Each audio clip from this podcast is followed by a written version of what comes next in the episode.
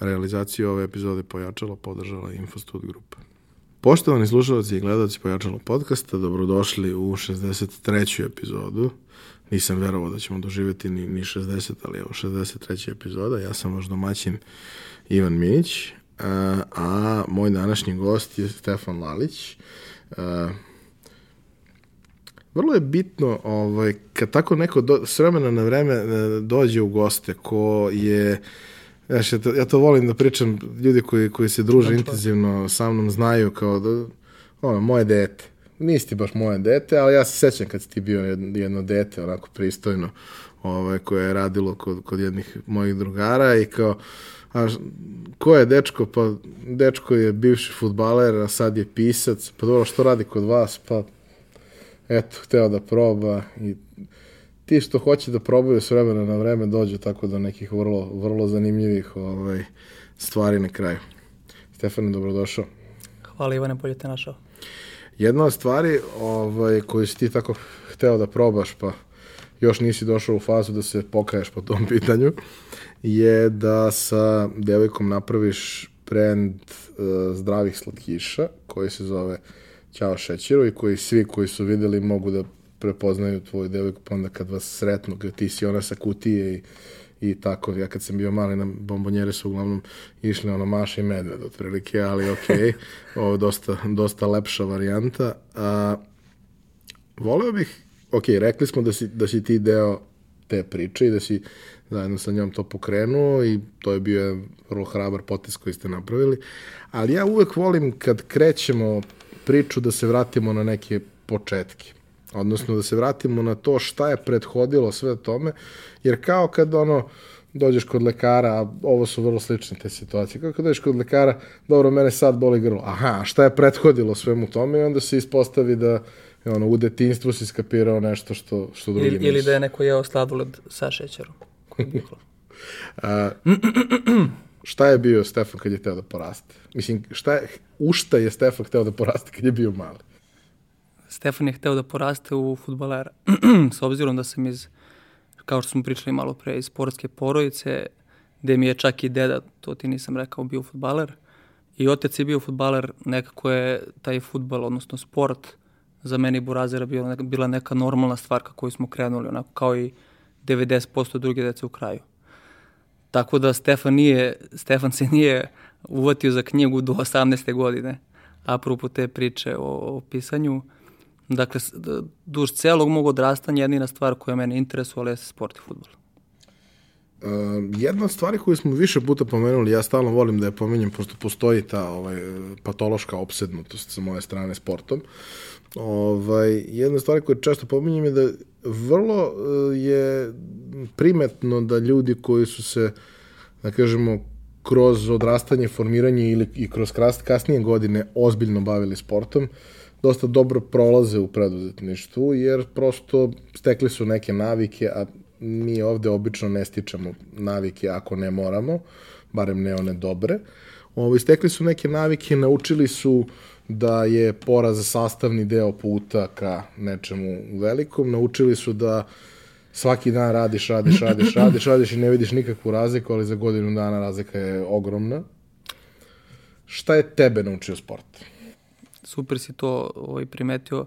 Nikad nisam razmišljao o tome za, za poraze, što si rekao, da, definitivno jedna stvar koju te sport uči jeste baš to. Sad, poraz može bude i povreda, ne mora bude fizički poraz ili ne znam, neki pripremni period koji je mnogo težak i traži neku fizičku spremnost, ali mislim da je ovaj drugi deo mnogo važniji, pogotovo ako ćemo pravimo paralelu s preduzetištom, a to je da e, vratit ću se posle na, na, na, na priču o pisanju, pošto ima veze baš sa tom vizijom ti kao sportista znaš i sam trenirao si, ti se budiš sa nekom idejom, ne sad ću da kao izguram narednih šest meseci da radim nešto, zaradit ću par i otiću na more, ne.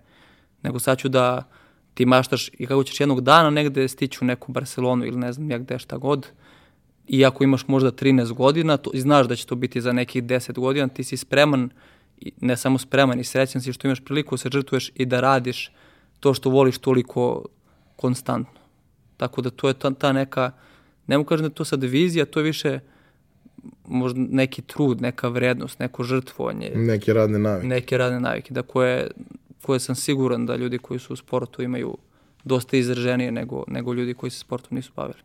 No, vrlo često kada se analiziraju karijere, čak u raznim situacijama taj talent dođe kao prepreka na putu ka uspehu, jer osoba koja je ekstremno talentovana često vrlo lako dolazi do nekih stvari za koje drugi moraju da radi, onda kad naleti na nešto što više, gde talent više ne može da pomogne, sklona je tome da odustane, dok onaj ko je radio za svaki stepenik, možda nikad neće dostići taj vrhunac koji može osoba koja je ekstremno talentovana, ali će dostići svoj maksimum, a to je, to je negde ono što čemu svi treba da težimo.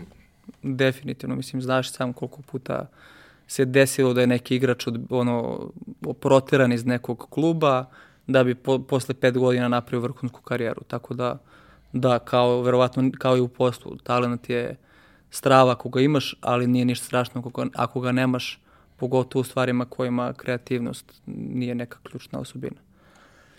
Kako je došlo do toga da te zainteresuje pisanje?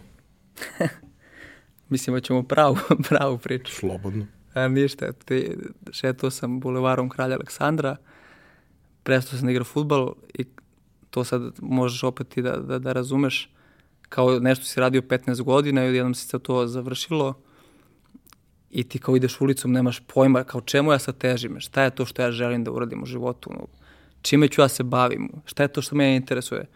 Nije više ni taj neki cilj koliko je da ti, da ti radiš nešto što veruješ i da, eto, kao, znaš da svakog dana pokrećeš bliže tome. I kao šta je mene zanimalo, ovaj, šta mene zanimalo, se futbola zanimalo me uvek kulinarstvo, mada to, to, time nikad nisam bavio, konkretno kulinarstvo, i kao psihologija je meni bila nešto zabavna, iako sam se s njom susretao samo u školi, to je nešto mršavo. I kao, ajde kupim knjigu neku, da sad iz psihologije, pročitam šta tamo ima za mene. Ništa, otišao u knjižaru, kupio knjigu, pročitao je, shvatio da, da, da se to što mene interesuje zove filozofija, a ne psihologija i krenuo da čitam, po, posle nekog vremena krenuo da pišem i tako je krenulo. Taj moj, ne mogu kažem sad književni put, ali eto, pisanje kod mene. Traženje neke svrhe. Pa ili, pa da, ili traženje prilike za, za doprinos. Mislim da je to dosta važna tema.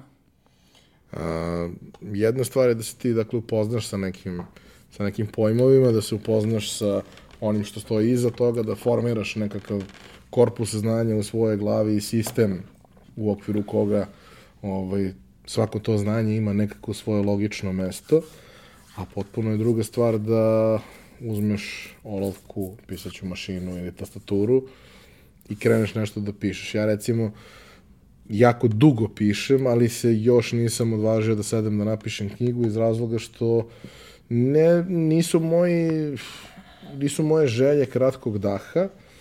Ja samo nekako još uvek ne mogu da vidim tu veliku poentu koju hoću da ispričam kroz mnogo malih. Za sad mi je okej okay da pričam male, pa ću jednog dana uobličiti. Bio mi je Laza Džamić. Laza je ispričao svoj pristup svemu tome i taj pristup mi se jako dopada, to onako inženjerski pristup koji ja mogu da razumem.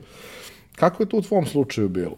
Mislim, prvo zašto i, i kako si krenuo, onda kako izgleda taj ceo proces, jer proces je, verujem, jako komplikovan. Jeste, da. Mislim, mislim da proces dosta više zavisi od tipa knjige. Ili možda pisca, ne znam. Kako je krenulo, te u našem društvu te neke filozofske teme uvek nekako su bile uh, u fokusu. I eto, tako sam s kuvom pričao nešto, razmišljao malo tu, tu, tu, tim nekim temama, došao kući napisao poeziju, što mislim nije desilo nikada do tada. Tako je to ušlo. Odnosno, kako tako je to došlo i to pisanje. E, kasnije se to normalno razvijelo, pa sam prvu knjigu, e, objavio knjigu poezije, međutim, u uvek me interesovalo kako to, ba, baš to što si rekao, taj proces nastajanja romana, jer pored preduzetništva koji sam znaš koliko je teško, pogotovo ugostiteljstvo, teško na drugačiji način. Mislim da je napisati roman mnogo, mnogo teško. Možda i najteže od svega što sam uradio. Ovaj, nakon što sam napisao, odnosno objavio tu knjigu, bacio sam se na roman. E, iako sam ga napisao za 23 godine objavio, to je bio moj sedmi pokušaj da napišem roman. Nisam odustao, bio sam istran, to je najbolja knjiga na svetu, daleko od toga, ali s obzirom na moje godine, moje mršavo iskustvo, mislim da je sasvim u redu. Tako I... da to što se toga tiče. što se tiče procesa, ja sam tu knjigu napisao za 7 dana. sedao sam kući, od ujutru do uveče, nisam imao koncept, nisam imao strategiju ili šta god, imao sam neku ideju za jednom pričom, ovaj, i sad neću da spojlujem, ali bilo je dosta smešno. Ovaj, aj, ajde, nema veze da kažem zanimljivo. Bio sam na sajmu knjiga, nešto se tu politički tad dešavalo u zemlji, ja sam pitao ovaj, e, mog izdavača tada, ali mogu, ali biste objavili knjigu ako ja ubijem ovi sve političare u zemlji. Ona kaže u Srbiji, rekao ne, ne, ne, ovako neću da izmislim neku zemlju, ali ovaj, biće, imaće veze s tom nekom poukom. Ona kaže da. Ja rekao dobro. Otešao ko će napisao knjigu. ovaj, za razliku od te knjige koja je tako nekako, mogu kažem, naivno napisana, sad radim na drugoj knjizi, koju nažalost se ne posvećujem koliko bi trebao i volao, ali kad imam vremena, ovaj, ona je tu, koja je totalno drugačiji princip. Paralela je ta da sam tri meseca pisao koncept za tu knjigu i da je pišem sad mesecima, dobro ne toliko ovaj, konstantno kao, kao prvu, ali pisat ću je verovatno još godinu i po dana. Tako da proces zavisi od toga, od, prvo od našeg pristupa ka tome, drugo od kompleksnosti knjige koju pišemo. U dosta navrata ovaj, sa, sa gostima ovde smo dolazili na tu temu, posebno ljudi koji se bave nečim virtualnim, a bilo ih je dosta. Ovaj, koliko je moćan trenutak kada baveći se svim tim nekim virtualnim, ti upoznaješ ljude, pomogao si im, nisi im pomogao, volete, šta god, dobiješ nekav, nekakav emotivni feedback sve vreme i sve je to okej. Okay. Ali ništa ne može da se meri sa tim kao kad uzmeš u ruku nešto što si ti napravio. Znaš, kao ljudi koji prave fizičke proizvode, vremenom nemaju više taj odnos prema tome. Kapiram prvu stolicu kad napraviš da je to onako big da. deal, kao 500, to više ti nije bitno. Ali nekako mislim da kad kao uzmeš svoju knjigu u ruke, to bi trebalo da bude morat malo da drugačije. Morat ću da te razočaram. Traje usjećenje tri dana. Bar u mom slučaju. Hm. Ali dobro mi se... tri po tri. Lepo je, ali traje tri dana. Kaži, za sedam dana pisanja, tri dana ushićenja uopšte nije loše. A, da. To je tvoj lični doživljaj. Jeste. A doživljaj javnosti? Kada pričamo o knjizi? Da. Pa ono što sam, ono što sam dobio kao neki neki znak da to što radim ima neko smisla jeste nominacija za zanimljivu nagradu 2014. godine. Sad, pored toga, naravno, kao što sam rekao, bilo je tu dosta ljudi koji su vrlo pametnih i obrazovanih ljudi koji su pročitali i rekli da to malo ima smisla, što je meni opet ogroman vetar u leđa. Ok, to je priča sa knjigom. Da. A, među vremenu, mi smo se upoznali tako što si ti radio u marketinškoj agenciji. Zašto pobogu ode u marketing? Zato što sam teo se bavim pisanjem. Ovaj, bio sam uporan i tvrdoglav u tome da nađem način kako da živim od pisanja. Nekada davno sam mislio da ću to raditi kroz knjige. Ovaj, od te ideje nisam sasvim odustao, vidjet ćemo, nikad se ne zna šta će se desiti. Ali iskreno nisam znao, ja nisam bio upoznat s marketingom uopšte. Ja sam čuo, ovaj, Jecin prijatelj je došao jednom prilikom kod nas kući i ispričao o, tom, o, o, o, o nečemu što se zove copywriting. I ja sam kao, čekaj, da to postoji? On kao, da, ljudi pišu u agencijama, smišljaju kao džinglove, ne znam ja šta, ovaj, sve drugo. I, rekao, i dobio pare za to, on kao, da. I rekao, sad ću napišem odmah ono 20%, a šta ti treba da, da, daj da sedem da pišem. I rekao, ništa istraži, vamo tamo, ovaj malo više o tome. Ja istražio, svidelo mi se, učio, čitao knjige, prijatelji, prva praksa, prvi posao, drugi posao, treći posao. A, kažeš da ti se svidelo kad si čitao o tome. Da. Koliko ti se svidelo kad si to trebao da radiš zapravo sa klijentima? Ni, ni malo. Zašto? Pa iz više stvari. Prva stvar jeste da mislim da to ima veze sa načinom, sad ne mogu kažem mi u Srbiji, sad opet sad Srbija, mada ja nisam živo nigde van Srbije pa ne mogu da uporedim sa, sa tim kako se stvari radi u drugim zemljama, ali mislim da je prva stvar ovaj, odnos prema poslu, jer iz, iz tog nekog odnosa kompanije prema, prema poslu koji radi nekako proističe odnos radnika prema tom poslu. Tako da prvo to, pogotovo u marketingu, mislim da nije bilo na nekom zadovoljavajućem nivou kada, kada je profesionalnost u pitanju, a s druge strane, ne znam, i ono, radi se, prihvata se da se radi više manje bilo šta što donosi novac u kuću, možda i, ne znam, obrazovanje kada je ta neka konkretna tema u pitanju nije na nivou na kom bi trebalo bude, ali ja jednostavno nisam bio zadovoljan zadacima koji su bili ispred mene.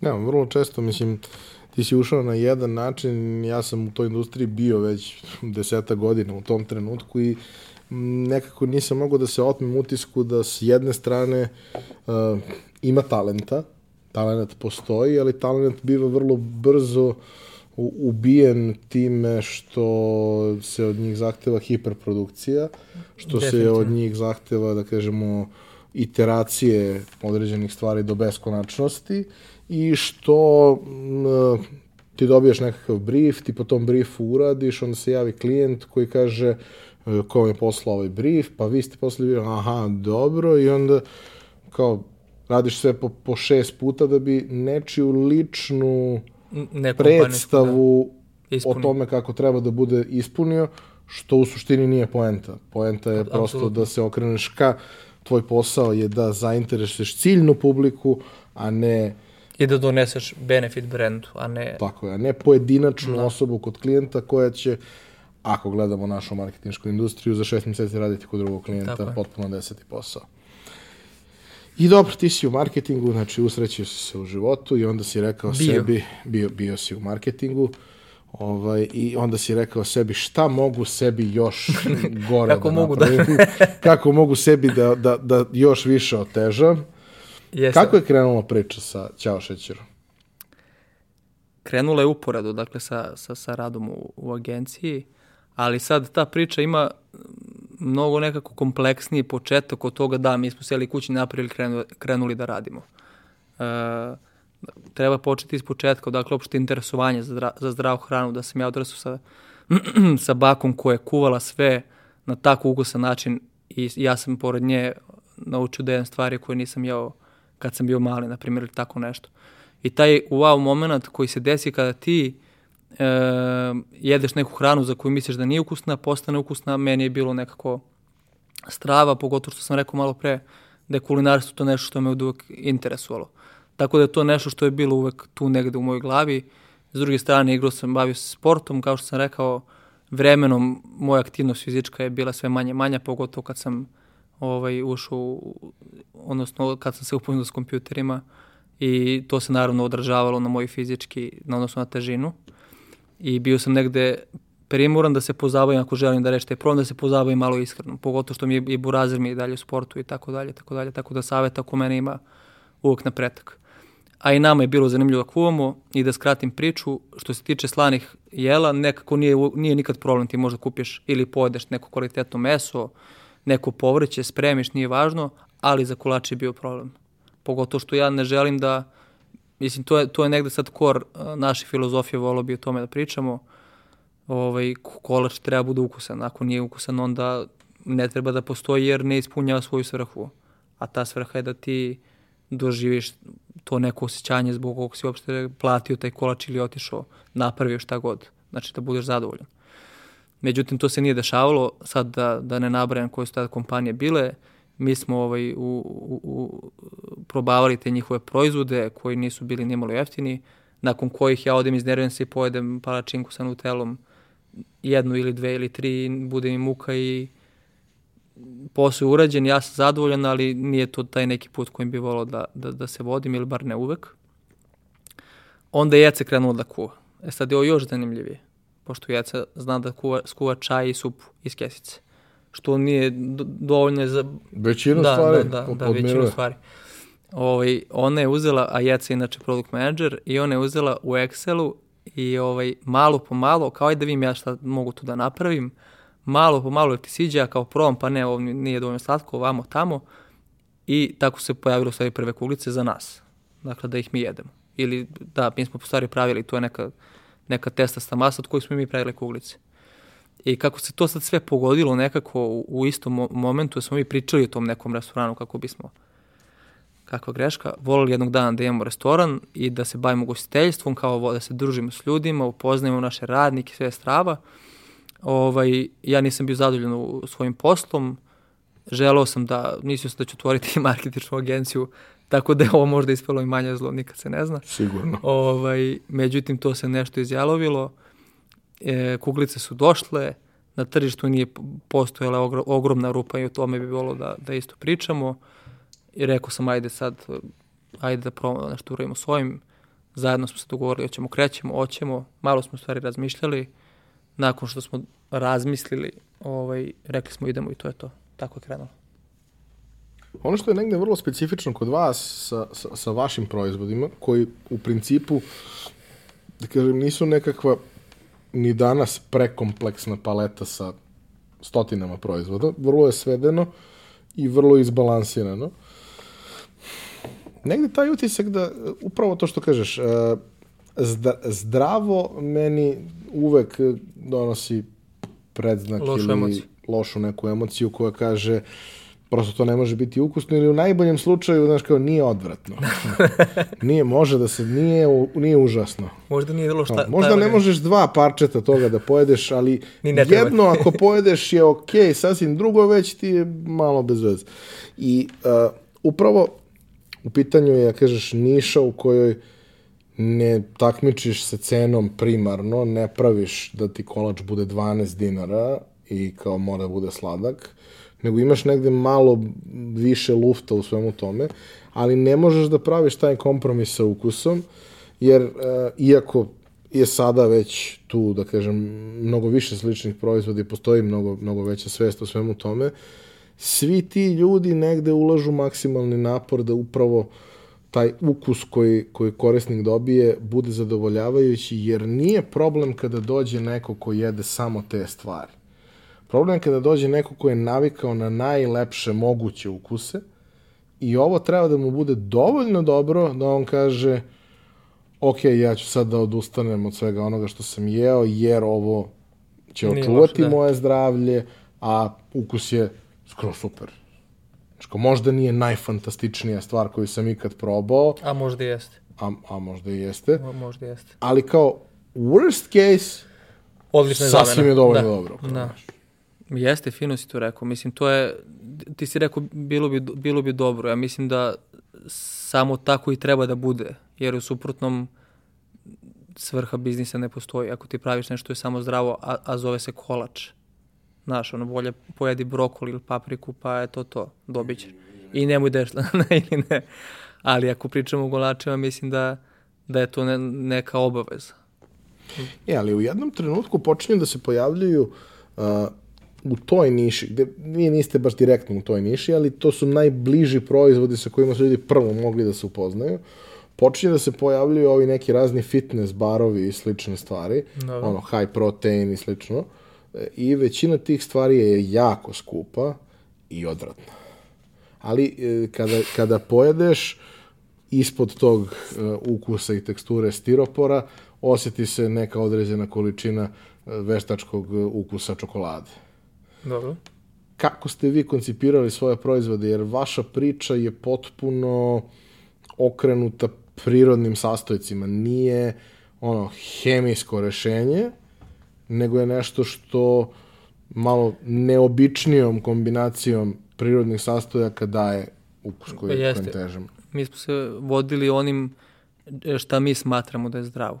Uzeli smo voće koje je najzdravije na svetu, urmu, i koja je puna tog nekog prirodnog šećera i nju koristimo kao, kao zatleđevač za sve proizvode. S druge strane, koristimo ne znam, uh, koštunja voće kao što je lešnik, badem, pistać, kvalitetni, kvalitetni kokosov krem i tako dalje, tako dalje.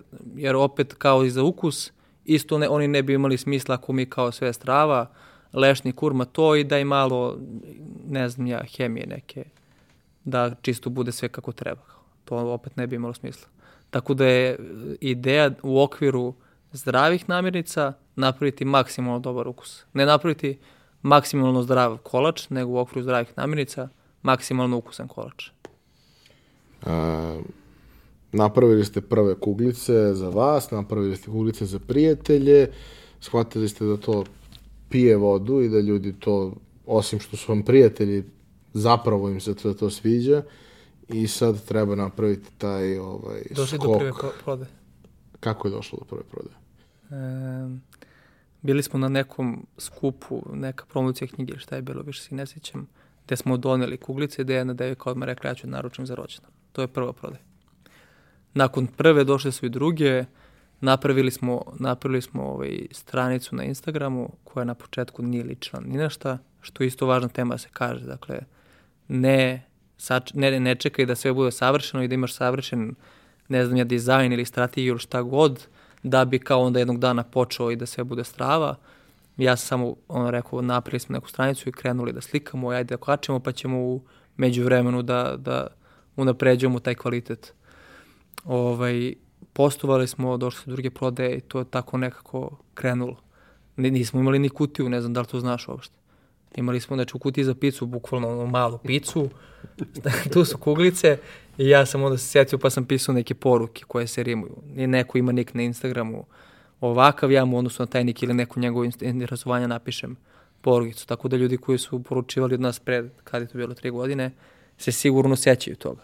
Taj fazon smo nastavili sa ovom kutijom koja ima neki kartončić, pa kad, kad ima vremena napiše se neka porukica. Tako da opet nismo imali čak ni kutiju, nego smo iskoristili kutija koja, kutiju koja postoji, koja košta, ne znam, 25 dinara, ajde da vidimo šta će s ovim da se desi. Znači, klasično smo se vodili lean startup modelom sa minimalno nekog, re, re, minimalnog e, reskiranja, da vidimo čisto, da, da opipamo tu neku potrebu. Mislim da je, ovaj, kad sam, se, kad sam razmišljao malo o našem razgovoru, e, jedna jako bitna stvar zašto mislim da smo, da smo mi ovde gde smo sada, to je zato što nismo, mi, nismo nekako napravili ovaj proizvod samo iz našeg problema. U stvari jesmo, ali taj problem je postoji na tržištu. Postoji i ti ja imamo neki milion problema koji bi kao volao da, volao da rešiš, ali možda taj problem nije toliko veliki na tržištu. E, nama se desilo suprotno. Znači, problem koji smo mi imali, nekako smo mi opirali tržište, da, da, to je ogroman problem na tržištu jer ne postoji nešto što je, ili bar tada nije postojalo, što je zdravo i ukusno ajde da nešto uradimo po tom pitanju, ajde da probamo. I to je to. Dobro, to je ono da kažeš inception faza da. biznisa. Ali da bi sve to imalo nekog smisla, potrebno je bilo da se naprave i branding, da se Tako napravi je. i kompletna ambalaža, da se napravi uh, i malo ozbiljnija, da kažemo, proizvodnja sa svim uslovima koje se tu ispunjavaju. To je sad neki uh, neki proces i to je neka investicija koja sad nije beskonačna, ali jeste investicija Značajno. i sada je već to nešto gde ti presecaš da li ozbiljno ulaziš u to ili ne, ili si onaj super lig što ume napravi kuglice pa znaš, e, za rođendan. Da, da, tu je. Jeste. Kako ste to presekli? Kako, kako ste uopšte odlučili na to? Prva stvar, mislim da tih izazova, kao što i sam znaš, ima, ono, mislim da ti izazovi ne prestaju, koliko god tvoj biznis da raste, uvek će biti da li, da li vreme sledeći korak, jeste ili nije i kad će ona dođe. U našem slučaju ta test faza, da je tako nazovemo, pošto smo bili nezvanični, trajala je, mislim, 6-7 meseci. Dakle, mi smo bili fokusirani na, na, na društvene mreže, da napravimo, napravili smo u stvari najbolji mogući proizvod, umeđu vremenu smo napravili kutije i ajde da vidimo kolika je ta, kolika je ta potreba zaista na tržištu, šta mi možemo da uradimo sa ovim jednim proizvodom. Prodeje su se dešavale, nekako tržište se širilo, naš brend je dolazio do sve većeg broja ljudi i nakon 6-7 meseci kad smo razmišljali o tome da i dalje ne postoji, ja ne znam, ja mislim da smo mi prva zdrava stičarnica na Balkanu, nisam siguran, ali nisam našao ništa, istraživo sam, nisam našao ništa drugo. Kao, ok, da li je vreme za to? Mislim, u odnosu na sve te informacije koje smo mi kao dobijali, broj e, poručbina i najbitnije od svega ljudi su se vraćali. Znači, broj klijenta koji su kupili opet negde nas ubedio da to tržište postoji i da će sve više i više rasti. Tako smo odlučili da posle 7 meseci skupimo investiciju, što znači pozimiš od babe, prijatelja, drugara i to nešto smo uštedili ovaj, što smo prodavali do tada, sve pare na gomilu i otvoriš prvi lokal. I šta to podrazumeva od radova koji treba da se desi? Imali smo za sad jednu, jednu osobu koja nam je, da kažemo, ispričala svoju proceduru pravljenja mini proizvodnje koja ispunjava sve standarde i tako dalje. E, volio bih da mi ti kažeš to je svog ugla, jer prosto svako u to ulazi na drugačiji način i na drugačiji način dolazi do informacija. Svako pravi svoje greške, a mislim da su te greške jako dragocene, jer mnogi ljudi kada ulaze u to kao, znaš, ja, pogrešili smo ovo i sad to je fatalna greška. Nije ništa fatalno, sve se ispravi, sve se reši, čak i u tim nekim razgovorima sa, ne znam, inspektorima i slično, ljudi nisu nerazumni, nisu kreteni. Jeste, nije, nije, nije tako da. Može apsolutno da se napravi neko rešenje. Šta je u vašem slučaju sve to podrazumevalo? Pa da smo pogrešili, jesmo, ali smo, kao i za sve što radimo, trudili smo se toliko da dobro se informišemo da, da te greške budu što manje ili što bezazlenije. U suštini, naravno, nakon osnivanja firme, uh, postoji ta neka sanitarna, što znači da tvoj, tvoj lokal, pogotovo kada ima proizvodnju u sebi, mora bude smisleno napravljena, da ima neki protok tih dobara koji ulaze ili proizvoda koji izlaze. Pored toga ima još i možemo pričati još dva sata o tome koliko dozvola postoji poljoprivredna, sanitarna, ova ona, koje ti kao neko ko se bavi proizvodnjom hrane treba da imaš. Ali da, veliki problem svega toga jeste što to, te informacije ne postoje na jednom mestu. Mislim, to je nešto što država verovatno treba da reaguje. Nego ti od knjigovođe čuješ jednu stvar, pa onda odeš u tu neku, odeš do sanit, sanitaraca da ih pitaš da li je tvoj nacrt dobar, pa ti oni kažu pet stvari, pa onda odeš, uradiš reklamu, zakačiš na svoj lokal, pa odeš u opštinu, pa ti oni kažu da ti treba pet projekata da bi to i dalje bilo legalno i tako dalje i tako dalje. Tako da je to ta stvar koja, odnosno činjenica da to ne postoji sve objedinjeno na jednom mestu i bez veze, ali s druge strane toliko ljudi ima koji su nešto napravili koje može da pitaš evo ovom prilikom i ako neko ima slično pitanje nek nam pošalje mail ili šta god, pomoći ćemo koliko možemo. Dakle, nije baš jednostavno, ali za sve postoji rešenje. Naravno čak i za stvari gde kao napraviš neku grešku u, u, u planiranju i to je rešivo. I to Jest. postoji. Jeste. E sad, uh, završiš ti to sve, napraviš objekat da bude onakav kakav treba, imaš nekoliko zadataka koji su pred tobom. Jedan od njih je da formiraš šta ti je set proizvoda sa kojim ideš, da to ne bude previše komplikovano i zbog nabavke i zbog svega, a da zadovoljava recimo potrebe svih njih, svih kupaca. A sa druge strane, treba da nađeš nekog ko će, ko će da radi tu, pored tebe. A to je, mislim, dolazimo, ta tema je... Do highlight. Ovaj, ta tema je apsolutno ogroman problem svima. Ali ajde da krenem od toga šta je set proizvoda koji nudiš i zašto baš tako? Mislim da se, mislim, ne mislim, to smo uradili pre nego što se uzima lokal. Mislim da opet neka strategija treba postoji šta ću da prodajem, zašto ću da prodajem i torte i, i ne znam ja namaz i palačinke i tako dalje tako dalje. Ili u našem slučaju zašto neću sladoled? Jer krenuli smo sladoled te prve godine međutim videli smo koliko, koliko nam problema pravi. Opet s druge strane nismo uspeli da napravimo proizvod po mom mišljenju i po jecijenom mišljenju koji je toliko zadovoljavajući. Znači nećemo da radimo dokle god se uslovi ne poprave da mi kao i što su drugi proizvodi maksimalno kvalitetno, kvalitetni i ukusni napravimo dobri sladoled. Znači, ta, ta neka strategija treba da dođe u napred i po mom mišljenju recepti bi trebali da budu spremni. E sad, e, naravno mi smo dodavali proizvode vremenom kao što su cupcake-ovi, čini mi se možda još neki, ali smo imali ra raznovrsnost. Naprimer, mafini su testasti, neko voli to. Palačinke su ovakve, torte, naravno to su nam ono osnova, prodaje su nam torte kuglice i dalje. Ovaj, kuglice, to su nam prvi proizvodi. Tako da smo gledali da da, da osoba koja voli dede slatkiše može dođe i da više manje uvek proba neki drugi ukus ili neke, neku drugu teksturu. Ja, to ste rešavali i time što kuglice imaju x ukusa. Da, da. I ili dodaješ ukuse, da. Daje ti mogućnost da kao iskombinuješ neke stvari, da. vidiš, ok, e, ovo mi se mnogo kombinacija svidela, hajde to, mi da. spremite nešto da, da, da. od ovih drugih stvari koje ima to kao bazu. Jest. A baza su, odnosno sastavci koji idu unutra su u principu nešto Slični. što može da ide svuda, tako da, da je vrlo zaokruženo negde, nemaš sad sastojak koji ide samo na jedno i ne Jest. nabavljaš ga nikad. Znači vrlo je to kao negde bitno da nemaš Jest, mnogo da. otpada, posebno u stvarima koje su skupe. Ovde dobar deo namirnice je zapravo prilično skup. Sad se sjetio avokada. Imaš ponekad od... Ali dobro, to su opet stvari koje, koje se planiraju, koje su neizbežne i svi ih imaju. Tako da to nije neka strašna stvar. A da, što se tiče namirnica, jeste, na, na jednom mestu poručujemo, ja mislim, veliku većinu namirnica i to nije nešto što je nedostupno. Tako da je to sve cool. Kvalitet sirovine je zadovoljavajući sve vreme ili imate probleme? Pa mislim da je to stvar na koju ne možemo mi da utičemo. Mi dobijamo ono što se uvozi, insistiramo, imamo mnogo dobru saradnju sa, sa ljudima, isto je porodična firma u pitanju, koji nam dopremaju namirnice, insistiramo da to bude kvalitetno. Kad nešto nije dobro mi vratimo, nema nikakvih problema, niko se ne ljuti, dobijamo nešto novo. Tako da, da, insistiramo da sve što koristimo bude što kvalitetnije. Ono što je kao, na primjer, koliko su ulje koje uvek isto uzimamo najkvalitetnije moguće, ono što, čemu se menja kvalitet kao što, na primjer, lešnik, gledamo da uzmemo što bolje. Tako da, jer se to sve odražava na ukus.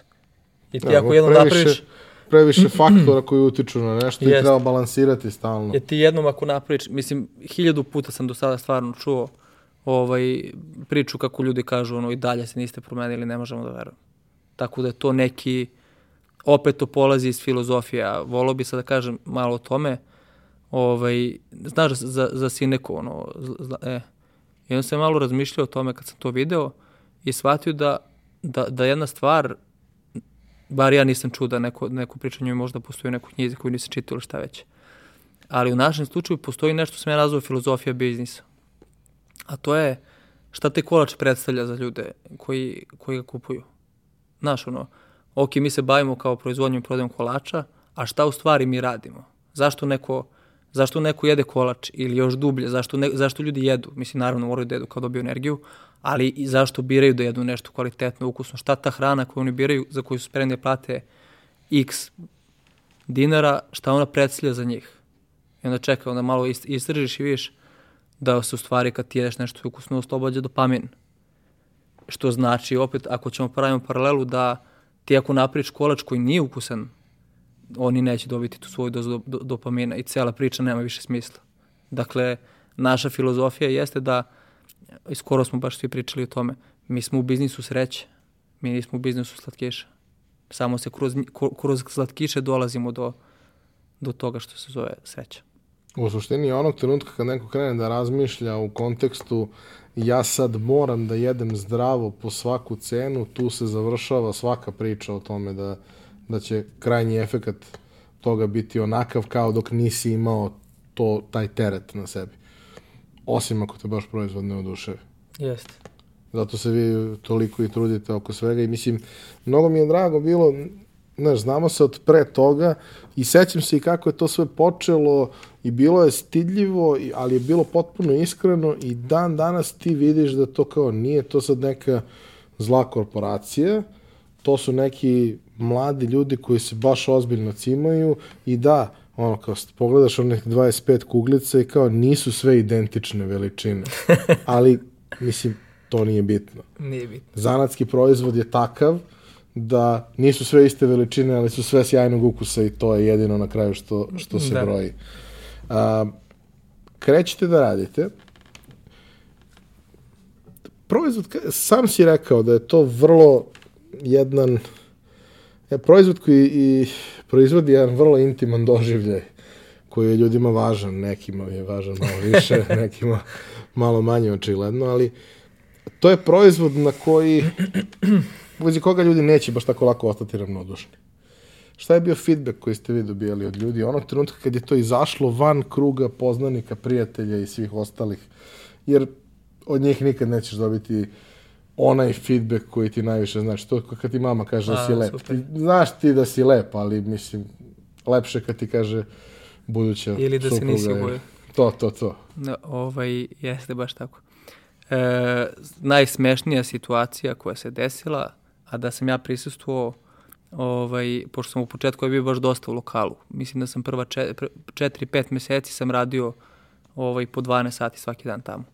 Tako da sam imao priliku dosta da, da posvedočim o, o, o utisku, realnom utisku ljudi koji niti imaju pojma da sam ja to pokrenuo, niti ih ja poznajem. Ovaj, najsmešnije je bilo kad je, kad je jedna žena ovaj, došla sa, sa, sa predrasudama, ona ne, ima nekih zdravstvenih problema ili šta već. Ja ne volim da jedem zdrave slatkiše, ja ne smem da jedem ništa, a obožavam slatko. Ako nema problema, sad ćete probati namazanka. Ma, probala sam ja tih namaza milion, to je sve. Mislim, ajde kao donesi. Ja sam im donao, ona je počela plače, ali stvarno. Ali kako je ovo dobro, ja, ja sam ovo čekao. Je stvarno, ja sam umro od smeha. Mislim, bilo mi je drago, ali i mnogo smešno. Tako da je to neki highlight koji meni kao stoji u glavi, kao da li se, da li se vama osviđa, da, ono, žena koja je počela da plače. A sad na stranu, na stranu ovaj, ta situacija stvarno je, ne kažem da nema feedbacka koji je kao ok je ili meni se ona dopada, ima, ima ih, ali su vrlo, vrlo redki. Reku bi sad onako na slepo 95% ljudi je vrlo oduševljeno. Negde na tom početku ste skapirali naravno kao da bi to bilo vidljivo, to treba da bude prisutno na mrežama i tako dalje. Treba da budete aktivni na svim tim nekim skupovima, bazarima, raznim noćnim marketima i tim stvarima. Ali to postaje mainstream stvar onog trenutka kad ti kažeš, e, znaš, meni se ovaj, danas utorak u, ne znam, tri popodne ide da jedem to i ja moram da imam fizičko mesto na kome mogu to da probam. I upravo gde mogu da vidim sve proizvoda, ne ono, znaš, mi imamo sad u kafiću, imamo tri ova proizvoda, pa kao eto, i otvorili ste poslastičarnicu. Kad ste otvorili poslastičarnicu, odnosno pre nego što ćete otvoriti poslastičarnicu, pravili ste nekakav verovatno dugoročni plan u svojoj glavi. I s jedne strane finansijski plan kako sve to treba da, da funkcioniše, da i sa druge strane kao, ok, plan razvoja, šta se dešava dalje i sve.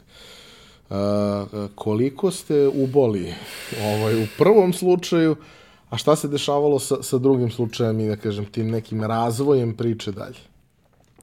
U prvom je smešno koliko smo uboli jer smo poprilično dobro to odradili. U početku smo čak i probijali taj neki biznis plan, kasnije sve to bukvalno presmešno je leglo na svoje što se tiče te neke procene. Ovaj, što se tiče strategije, ovaj, poprilično smo ispivotirali jedno 30 puta do sada. Od toga da, e, kao što smo pričali malo pre, želeli smo, mi smo sve ovo ušli s idejom imat ćemo mi jednog dana, ne znam ja, to x broj lokala, bit će, imaće svaki grad, svaki veći grad u Srbiji, pa posle region, pa ko zna, možda u dan New York, vidjet ćemo. Međutim, onda se desila ta neka stvarnost koja se zove tržište rada. Mislim, ne želim sada da prenesem poruku kao da je sve crno i nemojte nikad ništa da radite, daleko od toga, ali mislim da je vrlo, vrlo izazovno naći radnik koji će verovati u tu neku tvoju ideju, raditi ovaj, svoj posao na neki pravi način i koji će, ovo je sad druga stvar, koji će ostati tu neko vreme, jer kad se baviš nečim kao što se mi bavimo, pravljenjem kolača koji su vrlo specifični, trebi treba neko tu ko, je, ko će bude s tobom, jer je prvo to je know-how, s druge strane treba da se nauči. Niko to ne može da zna, svi koji su došli s nekim preznanjem imali su ga kući. Tako da, s obzirom na, na te izazove, kada je ta konkretna tema u pitanju, shvatili smo da ili bismo napravili taj drugi korak i otvorili taj drugi lokal koji smo želeli i verovatno poginuli u, u, u, u tim nekim sitnim taskovima, u zatvaranjima, pokrivanjima i ostalo, ili treba da sačekamo i da malo konsolidujemo svoje redove i vidimo šta ćemo i kako ćemo dalje. Uh, tako da taj biznis model je, je i dalje na holdu. S druge strane, razmišljali smo i o lancima i u B2B saradnjama, nekako s obzirom da je ovo premium proizvod i da, i da su naši proizvodni kapaciteti vrlo ograničeni, B2B nam nikada nije imao smisla. Ne kažem da jednog dana možda kad mi budemo imali proizvodnju veliku, možda će, možda će nam biti primamljiv. Što da ne, ali nekako u početku nam nije bio, niti je dobro za brand kao nešto, ok, ljudi kao dobiju neku informaciju, ali ne znaju šta je, ti vidiš kao ćao šećer kolača. Imaju neke veleprodajne cene, tebi to ono, pritiska proizvodnju, pored toga imali smo malo prodajne lance koje nas u početku nisu mnogo interesovali, sad su nam postali interesanti, jer opet, opet ćemo videti šta, šta će biti sa tim radimo na tome, pa ćemo da vidimo. Uh, ali ono što smo shvatili s druge strane jeste da nekako u, u, u, u biznisima koji imaju proizvodnju, proizvodnju moment, ta proizvodnja je neka osnova i snaga poslovanja. To je drugi problem koji mi imamo i koji opet savjet koji može biti koristan ljudima koji planiraju da uđu u, u, u gostiteljstvo, ne mogu da kažem opet da nismo imali, mi smo imali te informacije kroz naše prijatelje koji su, ne znam, kuvar ili šta god, pra, samo veliku kuhinju. Znači, nemojte da štedite na kuhinji sve u kuhinju gde ti koji kao ulažeš neke pare koje nemaš, koje si pozajmio, dolaziš sad tu šta god da, da nađeš, našao si kao neki lokal koji je cool, ima neka ta kuhinja koja je mala, nemaš pojma ni šta je velika kuhinja šta je mala kuhinja, a kao bit će okej, okay. ma ko zna kako će da ide, vidjet ćemo, bit će okej. Okay. posle šest mjeseci shvatiš da si trebao poslušati savjet da je, da je ovaj, kuhinja 90% posla. A radnici? A radnici su onih 10. radnici su, ne znam, radnici su ovaj, evo pre neki dan sam pričao s prijateljem, ovaj, jedan brand sportski ga je nešto angažovao i on, on je rekao, ja uopšte nisam to očekivao, mislim, to je kao ono, jedan najpoznatijih sportskih brandova na svetu.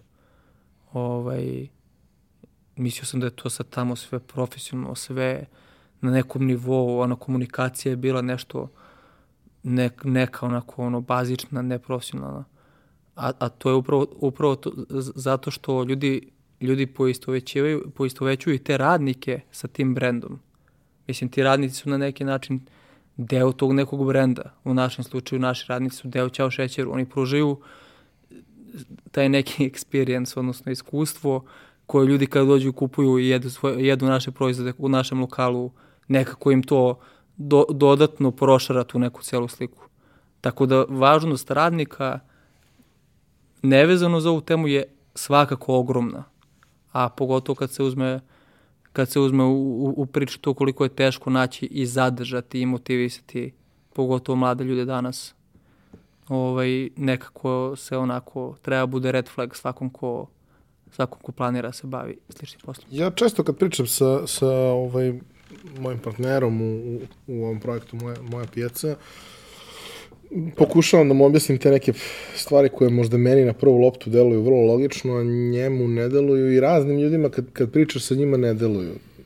I recimo, on je ubeđen da je lice našeg biznisa, naš sajt koji je lep i zdrav i to sve, ali nije lice našeg biznisa je naš dostavljač. Ako naš dostavljač nije ok, ne postoji sajt koji to može da ispegla. Isto tako i kod vas, ako ta osoba koja je u direktnom kontaktu sa ljudima nije jedna pristojna, prijatna osoba, bez obzira kakav je dan, da se razumemo, svi mi imamo razne dane.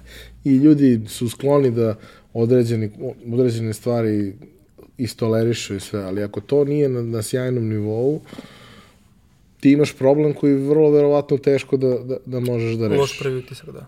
Sa druge strane, ono što znam je da ste vi uh, kre, krećući u celu priču vrlo iskreno, vrlo na jedan zdrav način, ljudski način i prema sebi i prema svima malo manje prema sebi do duše, ovaj, uložili maksimalni trud da svi ti ljudi uh, koji budu deo toga dobiju maksimalno i poverenje i sve moguće, da kažem, neke benefite koji su tu uh, poželjni i potrebni. Toga sada ima kod nas beskonačno, da se razumemo, u IT kompanijama, ali svi ostali samo sanjaju tako nešto. A opet, teško je zadržati ljude. Jeste pričali sa njima šta su, šta su razlozi zašto neko odluči da menja firmu? Pa konkretno u našem slučaju mislim da, s obzirom da mislim da je ugostiteljstvo najteža branša, generalno, znači imaš odnos sa mušterijama, nešto se proizvodi, neko se služuje, razgovara se i tako dalje. Prva, mislim da je to prva neka kritična tačka, zašto je mnogo eksplozivno i zahteva celog tebe, koji, kao što si rekao malo pre ti, bez obzira šta se dešava iza, ti mora da budeš, ili bi trebalo da budeš fin, nasmejani, jer ipak ti ugošćavaš te ljude, zato se zove ugostiteljstvo. To je prva stvar. Druga stvar je što um, mnogi ljudi koji su, koji su, koji rade kod nas nisu imali nekog ogromnog prediskustva. Tako da, znaš, svi vide sa ulici Ćao šećeru, to je slatka neka poslastičnica, zdravi kolači, sve je fino, mala, onako možda nemaju neki precizan utisak o tome da koliko se tu zapravo radi. Tako da to su te neke stvari S druge strane, mislim da je ono što smo pričali na početku, ta neka ideja, ti ako si, mislim da, da opet mnoge kompanije, pa ja i ti ima problem s tim. Ako ja radim negdje i trudim se tri meseca i ako nisam postao napredo ba, značajno, ja onda sam izgubio svoje vreme ili ne znam ja šta. Znaš, mislim da ima dosta i toga, ne samo u mom poslu ili u ovoj branši, nego generalno kod mladih ljudi. Dobro, mislim, situacija sa tržištem rada stvarno nije sjajna. Svi svi, da kažemo, ne svi, ali mnogi kvalitetni ljudi su odlučili da sreću potraže negde na polju. Koliko je to dobar izbor ili nije, videći svako od njih, ali to je izbor koji su oni napravili. Da. Nedavno, juče prekjuče mi je bio kolega iz, iz Hrvatske i kaže, on je iz Vinkovaca, koji su relativno malo mesto. I sad, Vinkovci su relativno, kažem, opet blizu Osijeka, koji je grad, ali opet je mali, to je grad od stotina hiljada ljudi. Vinkovci imaju 30.000 ljudi, 6.000 ljudi je otišlo u Nemačku i Irsku, a Osijek je od stotina hiljada i negde između 15 i 20 hiljada je otišlo. To je toliko postalo ekstremno da se, što oni kažu, zračna luka, odnosno aerodrom Osijek aktivirao i da ima nekoliko puta nedeljno letove, low costove za, za, za Nemačku. I to je nešto što se njima dešava par godina pre nas, ali u principu čeka neminovno čeka i nas i na neki način stavlja sve ljude koji su u bilo kakvoj vrsti proizvodnog posla gde postoji potreba za ljudima koji to, koji to rade, koji zapravo prave sve to, stavljene su u, u, u vrlo nezgodnu situaciju, ali vi ste pametni, mladi ljudi i ja verujem da ćete vi naći neko rešenje za to. Šta je, kada pričamo već o tome da ćete naći rešenje za to, šta su planovi za budućnost i gde negde vidiš prostor za, za, za Ćao Šećeru da ostvari svoj pun potencijal. Pošto si rekao da se to menjalo, ali nisi rekao gde, u kom smeru ste sad okrenuti. Dakle, najvažnija stvar ovaj, jeste izgradnja proizvodnje. To je to nešto će bude neka naša sigurnost i kapital na neki način, s obzirom da će se proizvodni kapaciteti dosta podići. E, a definitivno mislim da je to malo prodaja. Mislim, ne mogu opet kažem da idemo de, ono, ka tome i bit će sve strava, ne znam šta će nas sve sačekati, mnogo izazovima s obzirom da, da smo mi proizvod kakav smo i da i dalje odbijamo, na primjer, da ubacimo konzervanc i da nam uporno ljudi pričaju kako je nemoguće da se napravi dug rok trajanja za takve proizvode. Mi dalje pokušavamo nekim alternativnim načinima, načinima da to, da to sprovedemo u delo, ali to je ono što, ako pričamo o nekom putnom potencijalu, to je, to je realno putni potencijal, jer ti da otvoriš dva, tri lokala, opet ćeš na kraju raditi lokalno. Mislim, opet će taj doseg svakog lokala biti ograničen. Ako s druge strane uđeš u malu prodaju, ti si prisutan i to je to. Uz neku centralizovanu proizvodnju ne, uz, koja naravno, bi bila... uz neku da, centralizovanu bila... proizvodnju, to je to. To je nešto ka čemu mi idemo. Pa jedno, jednog dana možda izvoz, region, pa ko zna. Mislim, to je ono što ćemo probati da uradimo. E, volio bih za kraj samo da, da podeliš svoje iskustvo koje si pomenuo u jednom trenutku, ali bih volio da malo više se pozabavimo time. Uh mhm. -huh. A ono kaže, kretali smo, nismo imali pojma ni o čemu, pitali smo ljude i dobijali smo odgovore. E, kod nas je to sramota, jel? Kod nas je sramota pitati bilo koga za bilo šta, čak i ako ti to treba. Tako smo vaspitani, nakaradno, kao i razne druge stvari koje možda ovde nisu baš najsjajnije. Ali ima tako povremeno se pojave neki ljudi koji nije sramota da pitaju, onda oni dobiju odgovor. I kad dobiju odgovor, to isto često može da ne bude baš pretarano prijatno. Ove, kad da, shvatiš da. nešto, ali um, kako je vaše iskustvo zapravo bilo sa tim? Ko, koliko vam je značilo sve to što ste dobijali od ljudi i kao, znaš, i kroz neku anegdotu, šta ste zapravo kroz cele te, ovaj, ceo taj proces istraživanja i ono, problem solvinga, kako ste išli, kako su vas ljudi preusmjeravali jedni na drugi i šta ste dobili od toga? Pa, a, a, anegdota je da smo imali jedno, ja mislim, 500 sastanaka od kada je ideja došla do, do danas, a kojih nije bilo toliko, ja ne znam. a koliko je to važno, ne znam, ja nikad nisam bio tip osobe koja, koja se nešto stidi da pita, jer ako imaš nešto u šta, u šta veruješ, a ne znaš sve i niti mislim da možda znaš sve, a imaš koga da pitaš ili nemaš pa probaš ono kulturno i prijatno, nije kao da će neko da se naljuti. Ovaj, mislim da to treba da uriš, ja sam to radio. E sad, kako je to nekako uh, raslo i koliko su ti izbori ljudi s kojima razgovaramo i njihovo neko predznanje u celoj temi bili sve bolje i bolje, tako su i naši ovaj, taj neki naš know-how ili, ili znanje o tome šta mi radimo ili kako treba poučemo sledeći korak u odnosu na šta ili čime treba sada da se pozabavimo, ti savjeti bivali sve bolji i bolji. Ali koliko su vam bili važni, mislim da, da to nije ni merljivo, jer nekako ti upijaš te savjete, ti upijaš to znanje i to je, to je ne, negde u tebi. Ti kad kao razmišljaš o sledećem koraku, uvek imaš tu neku perspektivu koju si čuo nekog do ko možda sam nikada ne bi došao. Tako da, ovaj, tako da svakako preporučujem. Što je meni negde tu vrlo bitno je, a, vi pravite proizvod koji nema direktnu konkurenciju. Mislim, u trenutku ste krenuli da ga pravite ništa slično nije postojalo. Da, postojalo je proizvoda koji u širem smislu su u istoj negde da. niši, ali kao, nemate konkurenciju, tržište nije nešto preterano zasićeno, uh, zasićeno nekim proizvodima koji se marketiraju kao to, ali svi znaju da nisu, nisu baš, ali da. kao nije bitno. I imate mogućnost da dođete do tih nekih ljudi koji rade slične stvari, prošle su slične stvari. I sad u, u glavi većine ljudi u takvim situacijama je ja ne smem da ga pitam ili da je pitam jer ona će mene da doživi kao konkurenciju i oduvaće me jer kao misli da je ugrožavam posao i sve. A realnost je kad, da su, naročito kad su svi ti ljudi relativno mali, da su oni svi prilično otvoreni da pomognu jer su u fazonu ima mesta za sve. Kao, nije, nije sad da ćeš ti meni da pojedeš deo mog kolača, jer kao potpuno ima sasvim dovoljno prostora. A i ako dođe do toga da se mi nešto bijemo na tom tržištu, pa jedni drugi ćemo da guramo da budemo bolji.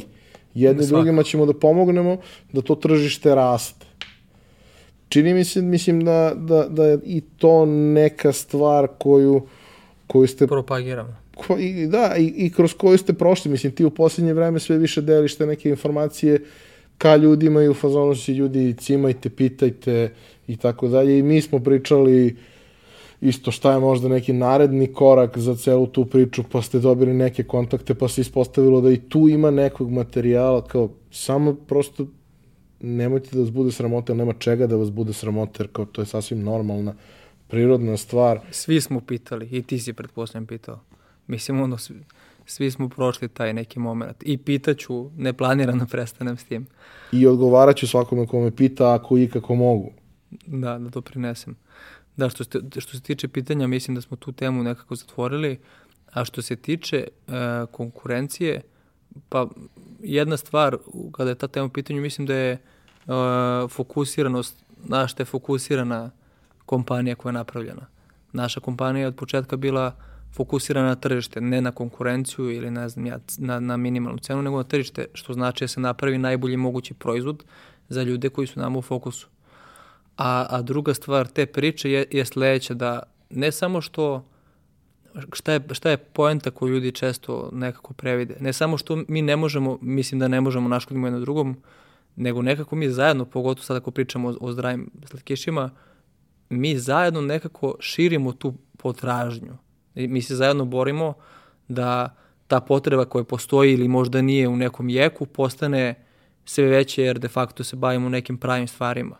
Znači to što, ne znam, se kad jednog dana nismo radili, ovaj, a taj neki konkurentski brend je radio, mi smo, ja sam bukvalno na Instagramu ljude slao kod njih. Rekao, ne, mi ne radimo, radi, oni isto su super, probao sam slatkiše, sviđaju mi se, to je skroz okej. Okay. Ili sa nekim drugim brendom, pa malo tamo oko Instagrama šta treba ili ne znam ja treća neka stvar gde ste nabavili ovo, gde smo nabavili ovo. Jedini način da industrija uspe da se ljudi međusobno pomažu. Mi često to I previdimo. Pa, sigurno. Ali ne samo što je najbolje, on je jedini. Ne postoji drugi da, način da, da, da postoji zdrava tržišna priča, osim ako svi igrači na tržištu ne uvažavaju međusobno jedni druge i to je, znaš ono kad kažu u, u biologiji ovaj, kao self-regulating system, znači imaš ono deset igrača koji su fair, korektni, to se pojavi se neko ko nije fair i korektni. Deset igrača će ga izbaciti. Naravno. Jedan na jedan ili tri na dva ili tako nešto će uvek biti vrlo problematično, ali ako postoji neka zdrava priča Sistem, da. zajednička, a opet ne preklapate se, samo se u suštini dopunjavate. Ima proizvoda na kojima ste, da kažemo, i slični, ali to nije nekakvo sad veliko pravilo, pa sad je to, mislim, kao vole ljudi razne torte, Naravno. vole A i vole da mešaju. kolače. tako je, tako je. Stefane, hvala ti što si bio, hvala ti što si podelio priču i hvala ti što si pozvao ljude da mogu i tebe slobodno da pitaju jer mislim da e, mnogima koji sada razmišljaju o nečemu slično može da daš jako dobre insajte, a i mene malo da rastereteš. ja kad kažem ljudi slobodno pitajte, nisam mislio baš toliko slobodno. Ove, imamo taj običaj da u svakoj epizodi delimo po tri primjerka knjige. Ovoga puta Napoleon Hill misli obogati se, originalna verzija. Ovaj, ako ste zainteresovani za, za ovu knjižicu, ostavite komentar na YouTube-u ispod ove epizode i mi ćemo pre objavljivanja naredne izvući tri uh, srećna dobitnika. Uh, treba da kažem i to da je i ova epizoda podržana od strane naših prijatelja iz Infostud grupe i hvala im na tome. Treba da kažem hvala tebi, Stefane, što si došao, što si podelio ovu priču još jednom. I hvala vama što ste nas slušali, kao i do sad, slušali i gledali, kao i do sad podelite sav svoj feedback e, sa nama, a pitanja koje imate možete i ka meni, ali slobodno nešto postavite i njemu direktno. Ovaj, I to je to. Gledamo se i slušamo sledeće srede.